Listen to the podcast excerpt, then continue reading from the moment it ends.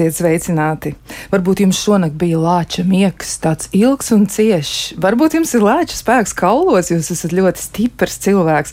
Varbūt ir kaut kas kā lācim zemeņoga šorīt no rīta uz brokastu galda. Varbūt bija kas tieši tāds, bet varbūt jums ir gadījies tā no vilka beigāt un uz lāci kritāt. Arī tā varbūt, bet varbūt, ka jūs izvadājāt lāci kaut kur, kur gribējāt, lai kaut kas kļūst labāk. Bet varbūt jūs šodien sēdēsiet kā lācis savā alā Bet varbūt kritīsiet kā lācis uz medu. Kā nu tur būs, kā tā diena izvērtīsies, to jau paši jūs arī redzēsiet.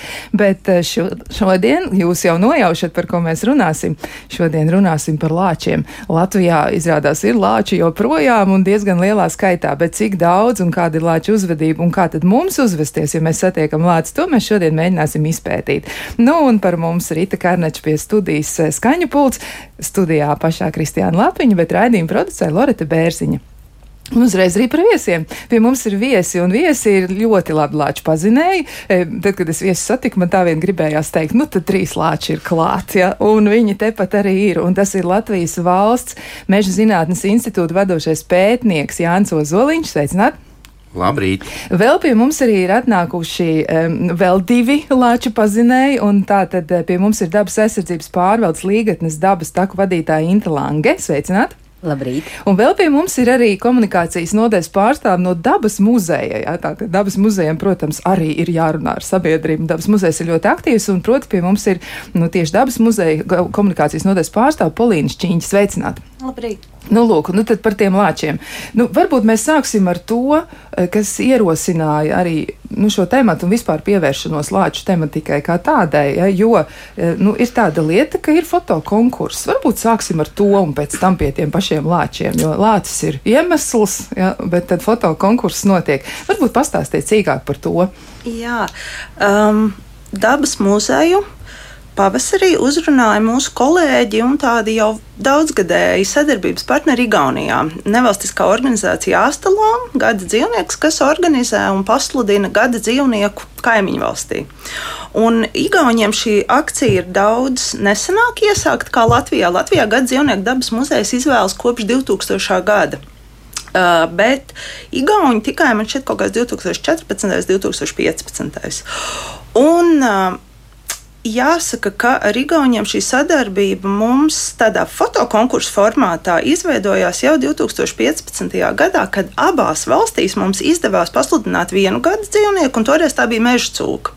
Tas bija Āfrikas cūku mēra. Nu, laikam pandēmija būtu pareizi teikt, toreiz gads, kad tiešām mežos gāja bo, bojā daudz meža cūkas.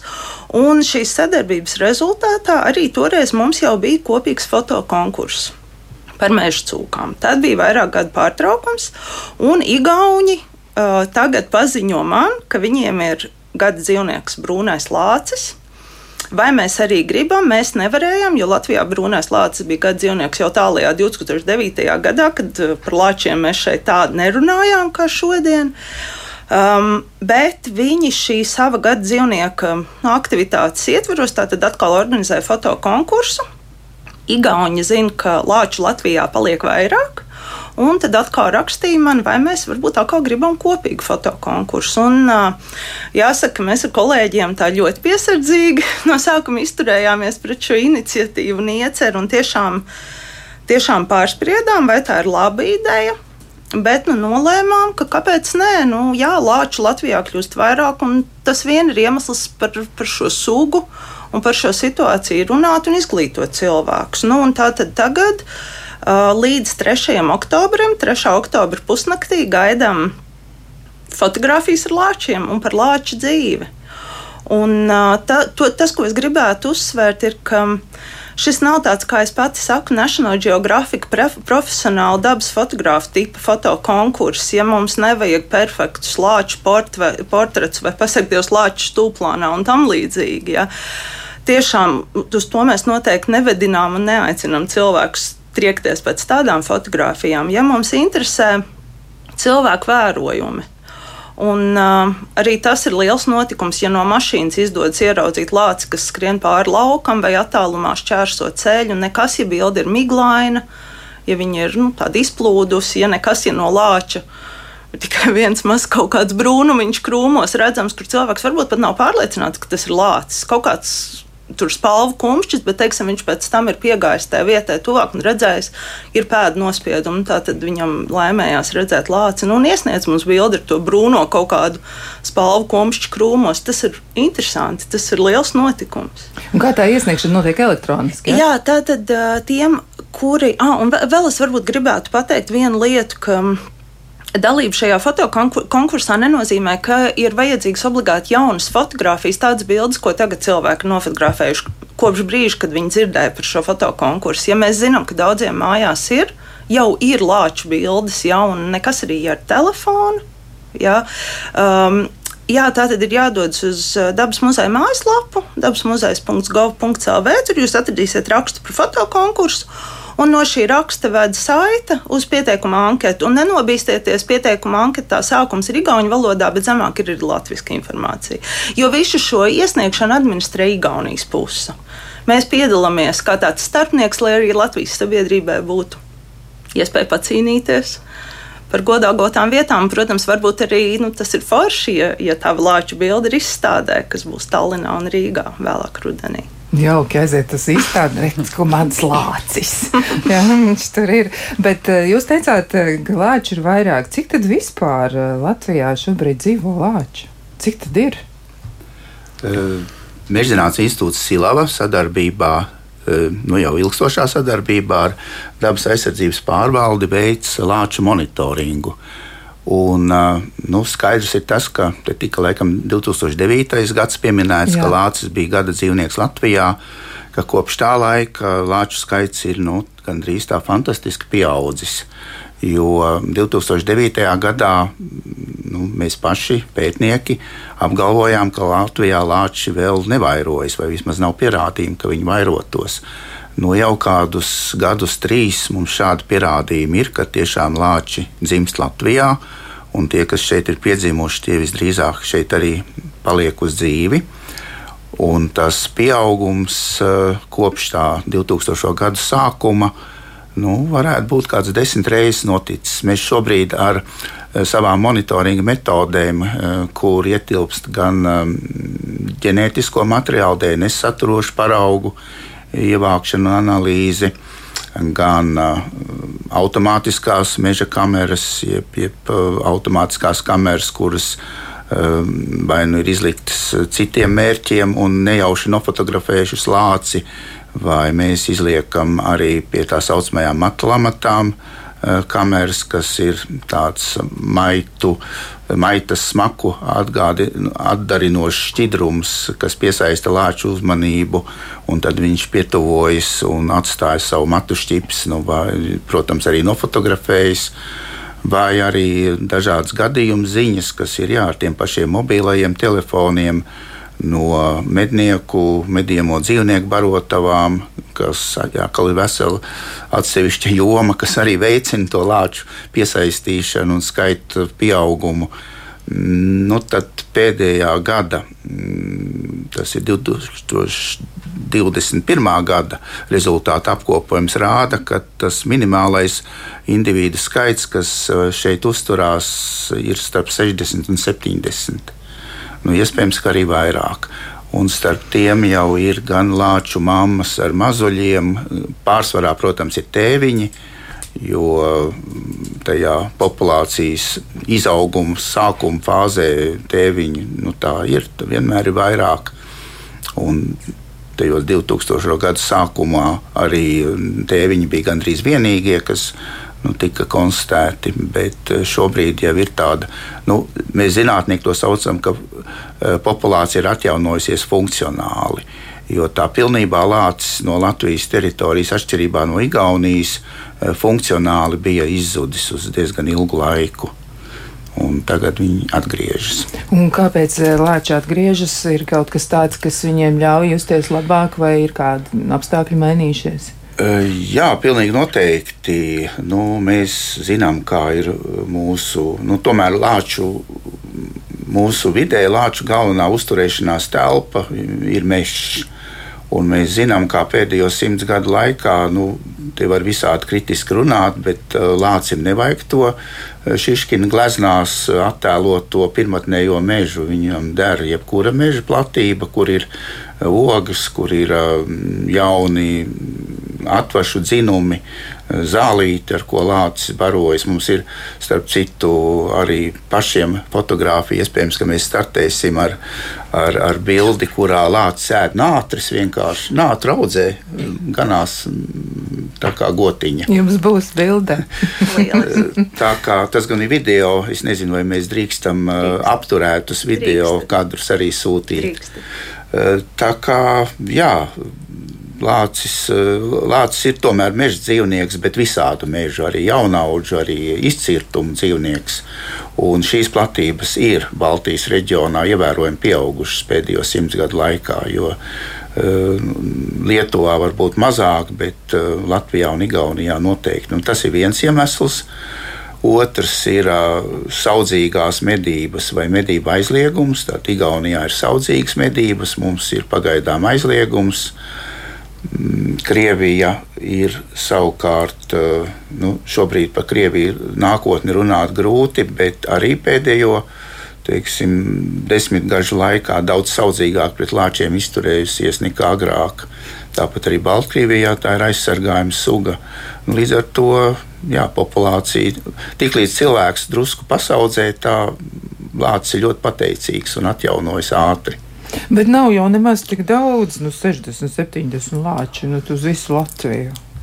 Eh, nu, nav uz visu. Eh, faktiski tā ir Latvijas austrumu daļa. Jo par kurzemi, zemgali, nu, tur var būt kāds viens, divi, un arī varbūt ne tik pastāvīgi, un tie varbūt ir tēviņi. Uh, nu, DNS materiāli, diemžēl, mums nav no kurzemes lāčiem pagaidām.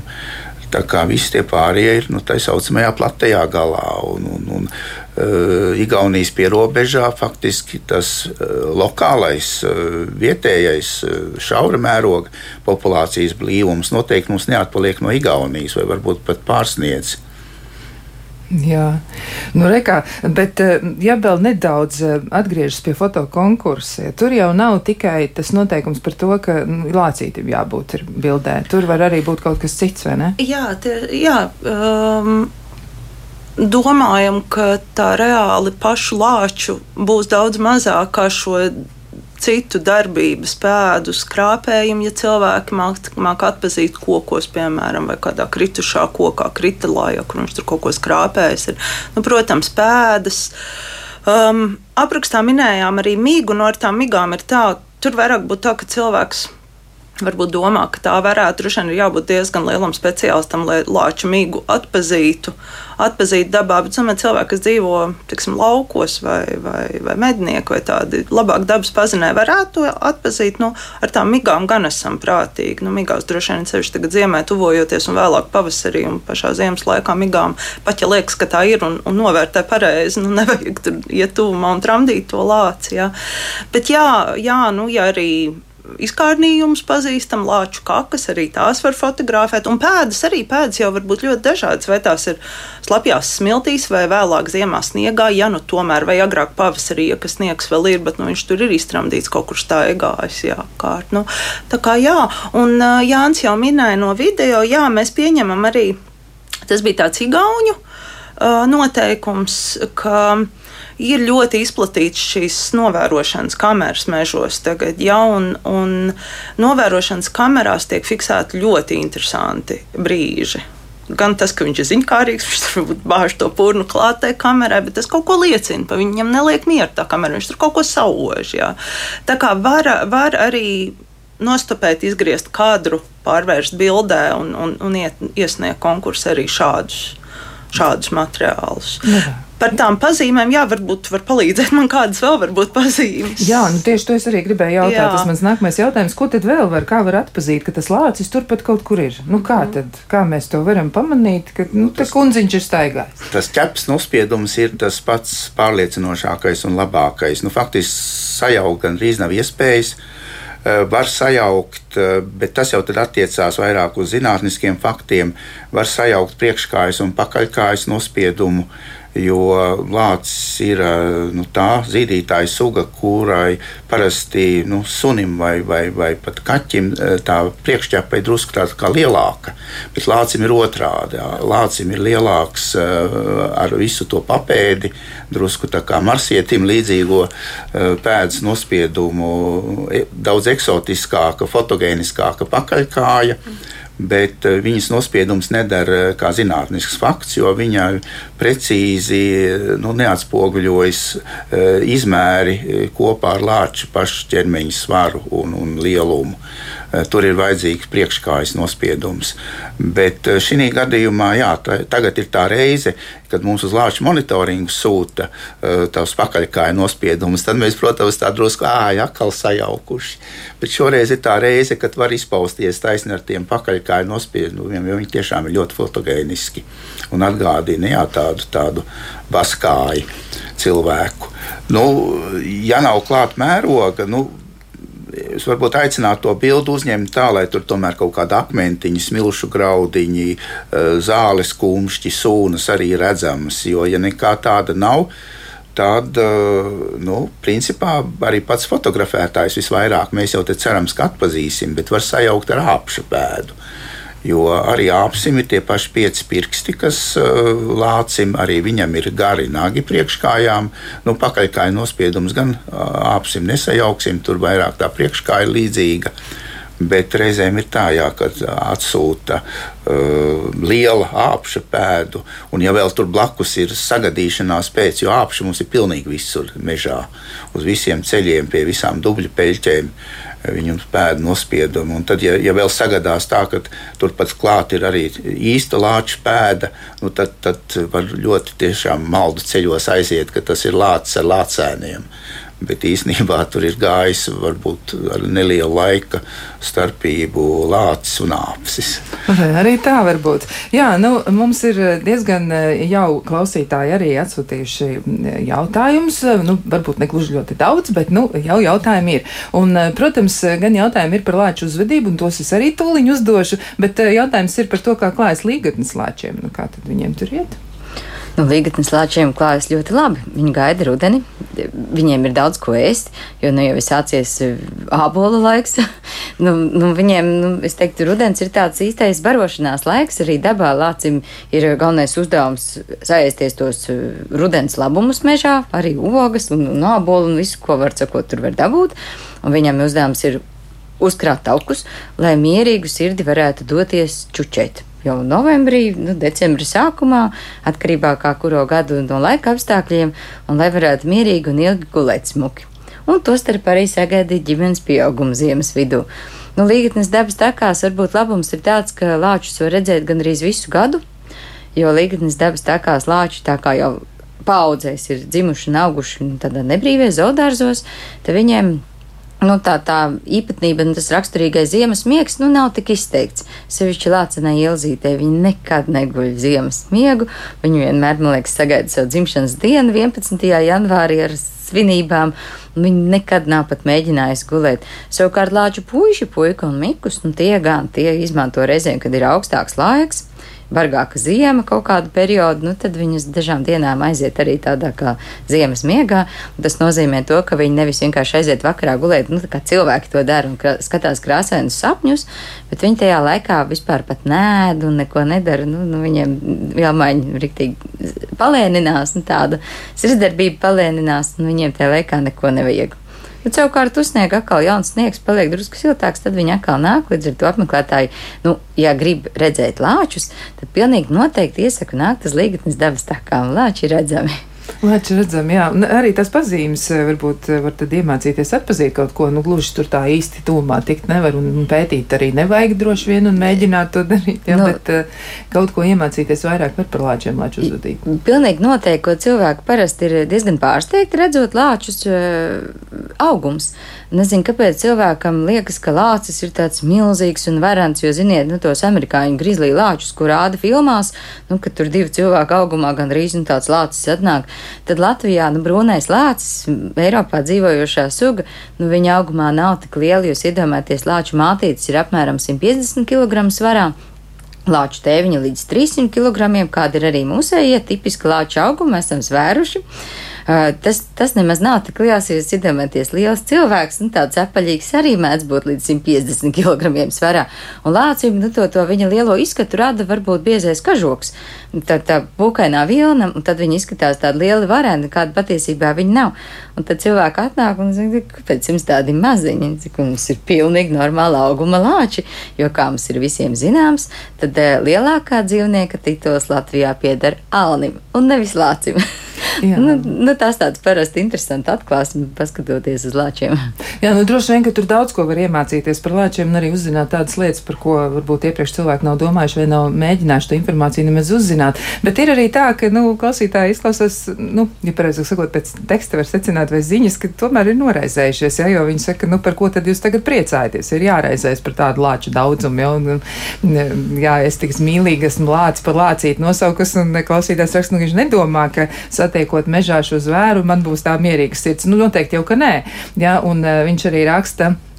Nu, ka vajag lāčus vairāk medīt. Nu, kāda ir zinātnieku doma par šo? Vai tad tiešām vajag medīt tos lāčus, un uh, ko nozīmē tas, ka tā populācija tomēr šeit, kā jūs teicāt, funkcionāli, ja tur pieauga?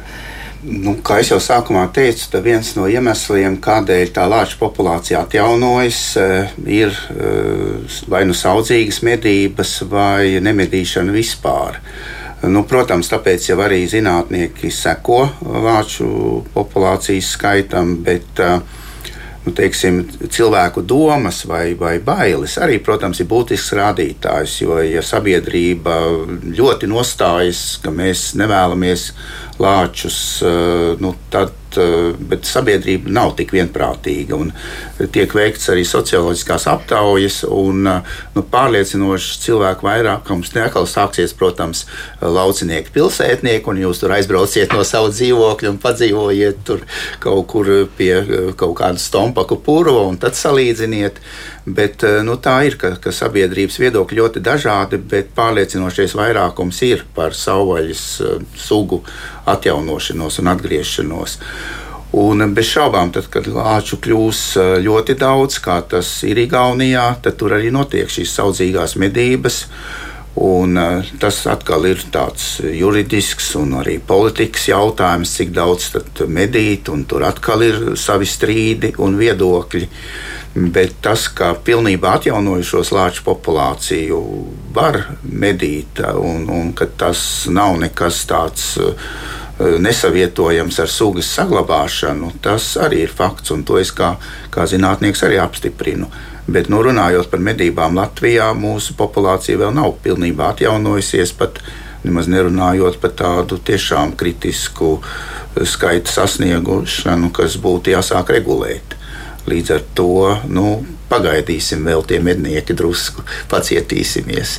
Jā, nu, tik viegli laikam nebūs tā. Lāčiem jau arī atjaunot to populāciju, tur jau tomēr daudziem faktoriem jādarbojas. Nu, tur tie juridiski aspekti diezgan, jo nu, tas kopējs um, bioloģiskās daudzveidības, sugu daudzveidības atjaunošanas mērķis Eiropā ir vienlaidus lielo plēsēju populāciju areāls.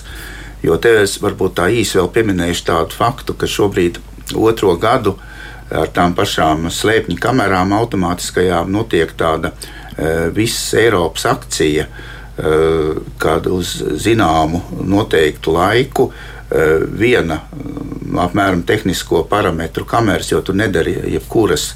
Un pēc noteiktiem standartiem, instrukcijām izvieto dabā uz diviem mēnešiem, septembrī, oktobrī. Latvija, mēs Mežģinātnes institūts tagad arī iesaistāmies. Viņi saucās Euro Snapshot. Tāds pasākums visā Eiropā, iesākts bija amerikāņu tam. Eh, tur ir sava virsvadība, tāds Euromamāls tāds eh, tīkls eh, pētnieku un, un Marka Planka institūts, dzīvnieku uzvedības pētniecības institūts. Un, uh, pirmie rezultāti ir tādi, tagad ir otrais gads, bet pirmie rezultāti no 21. gada ir uh, par uh, teiksim, zīdītāju klātbūtni mežos. Ir nu, diezgan nu, savvaļā, teiksim, tā, ne tikai mežos, arī purvos, pļavās. Ir diezgan, nu, es kā dabas draugs teiktu, diezgan skumji. Jo pirmā suga, numur viens zīdītājs ir pats cilvēks. Un otrā suga ir Eiropas stalbriedis, kurš nu, Nu, tad, protams, nav tā, ka nav neviena lāča. Arī ir arī lāči, ir arī vilki. Diemžēl lūsis ir kritiski zemu. Bet tur var būt nu, tāpēc, ka Ziemeļu valsts mazāk iesaistās tajā akcijā. Bet vai tad tiešām mēs gribam mežus, kuros dzīvo tikai stalbrieži un tie pārnaģi? Tā kā mums vajag visu to sugu kopējo kompleksu daudzveidības. Jā, nu tā tad jānodrošina līdzsvars. Nebūs tā, ja ka viena suga tikai varēs uzturēt to mežu un visu dabas, dabas sistēmu. Tas tā vienkārši nestrādā. Jā, ir diezgan daudz jautājumu, ko mums vēl ir jāpēta. Un arī klausītājiem ir daži tādi nu, skarbi jautājumi, jau, un tad mēģināsim arī uz tiem kaut kā atbildēt. Bet to visu mēs darīsim pēc īsa brīža. Kā labāk dzīvot? Turpinām sarunu par to, kā tad eh, klājas lāčiem Latvijā, kā klājas mums pašiem, un tad, nu, beidzot, esam arī pie tās sarunas daļas nonākuši, ko tad darīt, ja mēs to lāci satiekam, vai arī ko darīt, lai lāci nesatiktu. Nu, kā vispār mēs varētu raksturot lāču uzvedību? Eh, cik liela iespēja ir, ka lācis varētu uzbrukt cilvēkam, un kas vispār varētu to ietekmēt? Nu, ka pēkšņi šāda situācija tomēr ir. Nu, tā sliktā ziņa ir tāda, ka lācis ir nu, pietiekoši pašpārliecināts uh, dzīvnieks, kurš sevi aizstāvēs tad, ja viņš jutīsies apdraudēts un, un nedrošs. Uh, kā barība cilvēks par upuri lācim noteikti nekļūs uh, pie mums, bet aizstāvoties, jā, lācis var ļoti gauži nodarīt. Un uh, aizstāvot gan tieši sevi, gan uh, jo īpaši savus mazuļus. Bet eh, nu, šis stāsts jau ir daudzreiz stāstīts, un nu, nu, tas risks pastāv. Bet eh, tās eh, pamatlietas, kas būtu jāatcerās, un teiksim, Latvijas apstākļos, protams, tur ir pipargāze, tur ir, ir, ir dažādas lietas, ko varbūt meža profesionāļiem nu, derētu izmantot, atcerēties. Bet uh, ja jūs tiešām zinat, ka tajā reģionā ir liela varbūtība to lāci satikt, un mēs jau Latvijā tos reģionus zinām, tā ir um, Igaunijas pierobeža, tā ir nu, pagaidām arī Krievijas pierobeža, Baltkrievijas pierobeža. Tie ir visi tie rajoni, kas robežojas ar šīm kaimiņu valstīm. Un, uh, nu, varbūt neiet tajās ogās un sēnēs vienatnē. Nu, vienkārši ejiet divatā uzvedaties normāli, kā, kā mežā daras, kādreiz sasaucaties. Eh, tās, tās eh, maizes varbūt eh, nēda tur pārāk atklāti uz tā celma. Nu, ja nu pēkšņi ja, iekārojas vēl kādam, vai, vai nu, jā, šīs visas lietas nu, diviem cilvēkiem nu, nav zināms neviens gandrīz gadījums Eiropā, ka diviem cilvēkiem reizē lācis būtu uzbrucis. Ir, protams, tā, ka tur uzbruk vienam, un tad otrs tur iet palīgā vai kā. Bet, ja viņš redz reizē vairāk kā vienu, nu, arī tā viņa pašaizsardzības reakcija nebūs nu, tik pašpārliecināta vairs. Nu, Tātad, ja tur tie divi īpaņi ir lācis, nu, vēro situāciju, ja tur ir divi Ja, tad, viņš nu, vairāk viņš, kā viens. Viņš jūs sadzirdēs laicīgi. Jūs ne, nespēsiet divi būt tik nepamanāmi, lai, lai kritiskā attālumā pietloties lācim. Bet, ja nu tā ir sanācis, ka ir tur tās viesmaize aizmirsta, ja cilvēks ir aizgājis tur 10-15 metrus tālāk, nāk atpakaļ un rekur ir tagad viens sēd tos viesmaizi viņa vietā. Ko nu, tad? Nu, neņemiet nost, tos atkāpieties un vairāk tā nekad nedariet. Neatstājiet citreiz viesmaizes cēlma. Jā, nu, tiešām nebeigt panikā, atkāpieties, nedomājiet, ja lācis pieceļās pakaļkājās, ka, ka tas ir pēdējā stundiņa jums klāt. Viņš vienkārši vēlas saskatīt, kur jūs esat. Nu, ejiet prom no tās vietas. Un arī necenšaties palikt tam lācim neredzams, jo, ja viņš jau jūs vienreiz būs pamanījis, un pēc tam jūs centīsieties paslēpties, tas var arī tādu neveselīgu ziņkāru izsaukt. Tā kā ejiet droši brakšķinot projām, un, un ja jūs esat viens, tad tēlojiet, ka jūs neesat viens. Nu, tā tad Lāča dabiskākā uzvedība būtu tā, ka viņš pats mēģinās izvairīties un nenāks kontaktēties ar cilvēku. Precīzi, jā, jā. jā. Kas var notikt tajos gadījumos, ja cilvēks ir izmainījis Lāča uzvedību? Ja mums klausītāji arī ir uzrakstījuši nu, tādu komentāru, jā, tad viena no klausītājiem raksta, vai jums nepietika ar vienu Lāča eitanāziju. Nu, te bija tā, ka mēs aizkadrā, kamēr bija um, mazliet iespēja mums atpūsties un paklausīties mūziku, nu, tad mēs tieši tā ļoti kaismīgi runājām ja, par šo. Varbūt es ļaušu arī nu, Līgas dabas taku pārstāvēju izteikties ja, par to, kā tas ir. Varbūt, kad Inta varētu pateikt, nu, kā ir, ja, kādas ir jūsu domas. Jā, nu manas domas ir tādas, ka man ļoti gribētos cerēt, ka pietika ar viena lāča eitanāziju, bet šo apstākļu ļoti ietekmē nu, Latvijas iedzīvotāji varbūt saprāta līmenis vai zināšanu līmenis. Jo nu, lācis ir tas dzīvnieks, kas nu, ir kā suns kaut kādā mērā pēc uzvedības. Un viņi ļoti viegli pieroda dzīvot nu, tā, kā, tā, kā ir vieglāk. Jo dabā jau nu, tāpat kā elektrība iet tur, kur mazāk pretestība, tā ir kurš dzīve būtne nu, iemācās dzīvot tā, kā viņam ir vieglāk un labāk. Un redziet, man šķiet, ja mēs paskatāmies atpakaļ, kā tad bija šis gadījums ar eitranizēto lāci, tad nu šeit es gribētu teikt, ka lielākā vispār atbildība ir jāuzņemās cilvēkam pašam. Īpaši tiem cilvēkiem, kas kaut kad mežā paņēmuši mazus lācēnus, jo, kā zināms, cilvēks ir tik līdzcietīga būtne un viņiem visādi mazi mīluļi patīk. Viņi ļoti labprāt atrodot bez vecākiem palikušus vai, vai nu, kaut kā teiksim, paceļot dzīvnieku mazuļus, kas ir liela problēma. Jo cilvēkam liekas, ka visi ir palikuši bez vecākiem, ja mazulis ir kaut kur paņem mājās un izaudzina viņu. Un tajā brīdī viņam liekas, es viņu izaudzināšu, palaidīšu atpakaļ mežā, lai viņš tur smuki dzīvo. Pilnīgs muļķības. Neviens savs dzīvnieks izaudzināts mājās nav spējīgs dzīvot mežā, atpakaļ izlaižot viņu savvaļās eh, vidē. Gluži vienkārši tāpēc, ka cilvēks jau nav viņa mamma. Mēs viņu varam izbarot, eh, kaut kādā mērā viņu izauklēt līdz noteiktam vecumam, bet mēs nespējam šim dzīvniekam iemācīt dabisku uzvedību.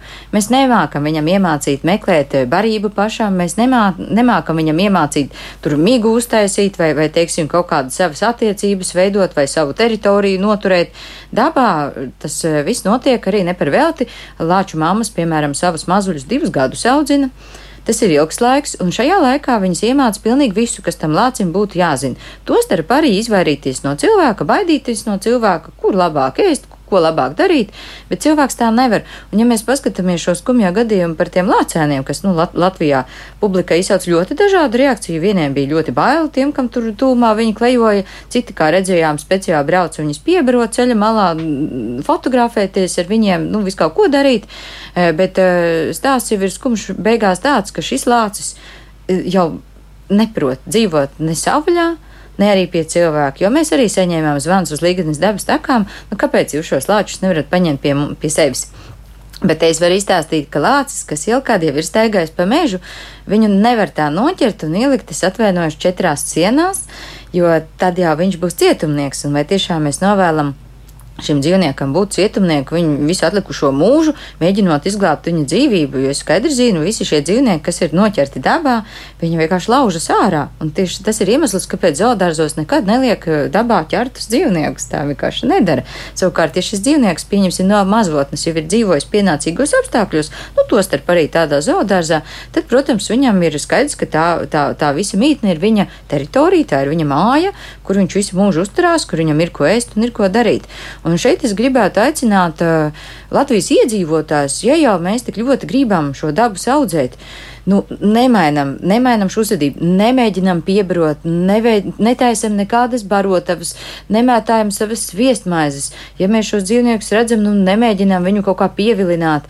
Nu, reizēm arī cilvēks saka, kāpēc man nāk mājās, nu, tur lauku sētā savais dzīvnieki. Nu, varbūt nemetam komposta kaudzē nekādas pārtikas atlikumus. Nu, varbūt arī tos nokritušos ābolus un bumbierus, nu, laicīgi novācam, lai tur nekas nestāv. Jo dzīvnieks, viņš nāk uz ēdienu, un tajā brīdī, kad viņš saprot, ka tur ir ērti un labi viss dabūjams, viņš tur nāks, protams, un tad jau cilvēkam sākumā ļoti patīk, a beigās jau vairs nepatīk, jo tad jau, nu, viņam liekas, ka tas dzīvnieks jau bezkaunīgi nāk, un jau sāk uzmācīgs palikt, un ko tagad darīt? Un skaidrs, ka viņu savas dzīvnieku uzvedību vairs izmainīt nevar, jo mēs arī par suņiem un kaķiem zinām, tas, kurš sācis blēņas darīt, nu, pārmācīt jau viņi gan arī nav iespējams, un tas pats arī par šiem lāčiem.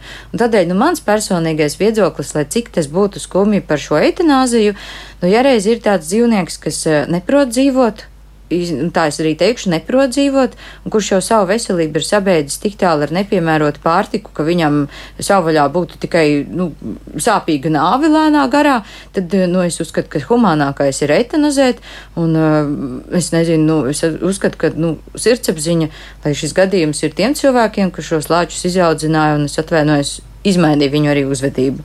Tā kā es aicinu, nedarīsim tā, lai šie meža dzīvnieki dzīvo mežā, Un eh, tie, kas neprot dzīvot, diemžēl kaut kādu iemeslu dēļ, nu, tiem, nu, tad, tad arī mēģinām humānāk veidot, risināt šo visu.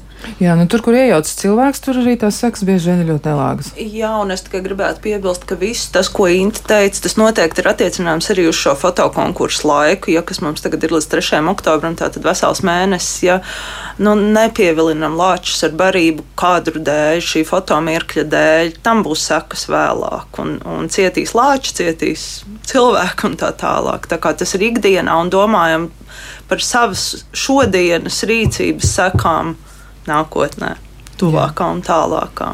Jā, nu, tas ir tātad jāņem vērā noteikti. Nu, vēl arī jautājums ir eh, nu, tā arī par tādu praktisku lietu, ja par to lāci un lāču barošanos. Nu, piemēram, ja viņš pārsvarā ēd ogas, augļus un zāli, jā, nu, tie paši āboli viņam garšo nātras, kā ganās, ja viņš nātrēs. E, nu, kā tad viņš tad var uzkrāt to tauku daudzumu, kur tad viņš tāds, nu, gandrīz veģetārietis būdams, kur viņš dabūtu tos resursus, kā viņam tas izdodas? Vai nu lāča, nu ne tikai lāča, nu tad jau mēs arī nevarētu cūciņu vai, vai bullīti nobarot. Lāča gremošanas sistēma nu, ir drusku atšķirās no tāda teiksim, tradicionāla plēsēja kārtas pārstāvja. Viņam tiešām viņam ir nu, izteikta žults, ja lāča žults arī ir. Viņš var taukvielas dažādas Eh, pārstrādāt ļoti labi. Lācis ļoti daudz iz, izmanto bezmugurkalniekus. Viņš spēja diezgan labi visas tās hitīna daļas, kaut gan nu, viņas diezgan arī svaigas iznāk tur ārā, ja mēs skatāmies tos ekskrementus. Un arī tā zāle un ogu uh, mizas iznāk diezgan maz sagremotas.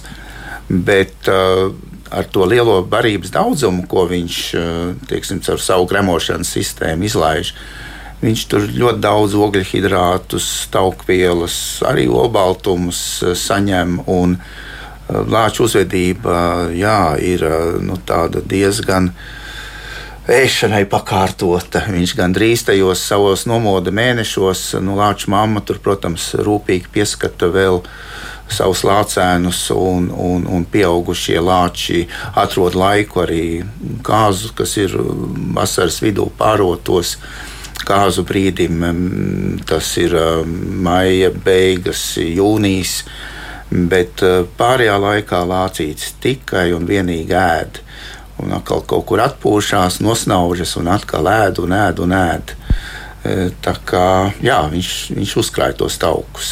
Izdodas tomēr, jā. Nu, vēl arī par uh, tiem mazuļiem. Tad varbūt atgādiniet to laiku, kas arī ir tāds ļoti, ļoti jūtīgs lāčiem. Nu, kad tas mazulis tur parādās. Un...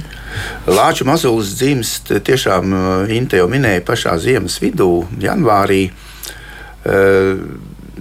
Lāču mammai nebiežāk kā katru otro gadu, dažkārt arī katru trešo gadu tikai jo divus gadus viņa eh, rūpējas pēc tam jau par līdzstaigājošiem mazuļiem.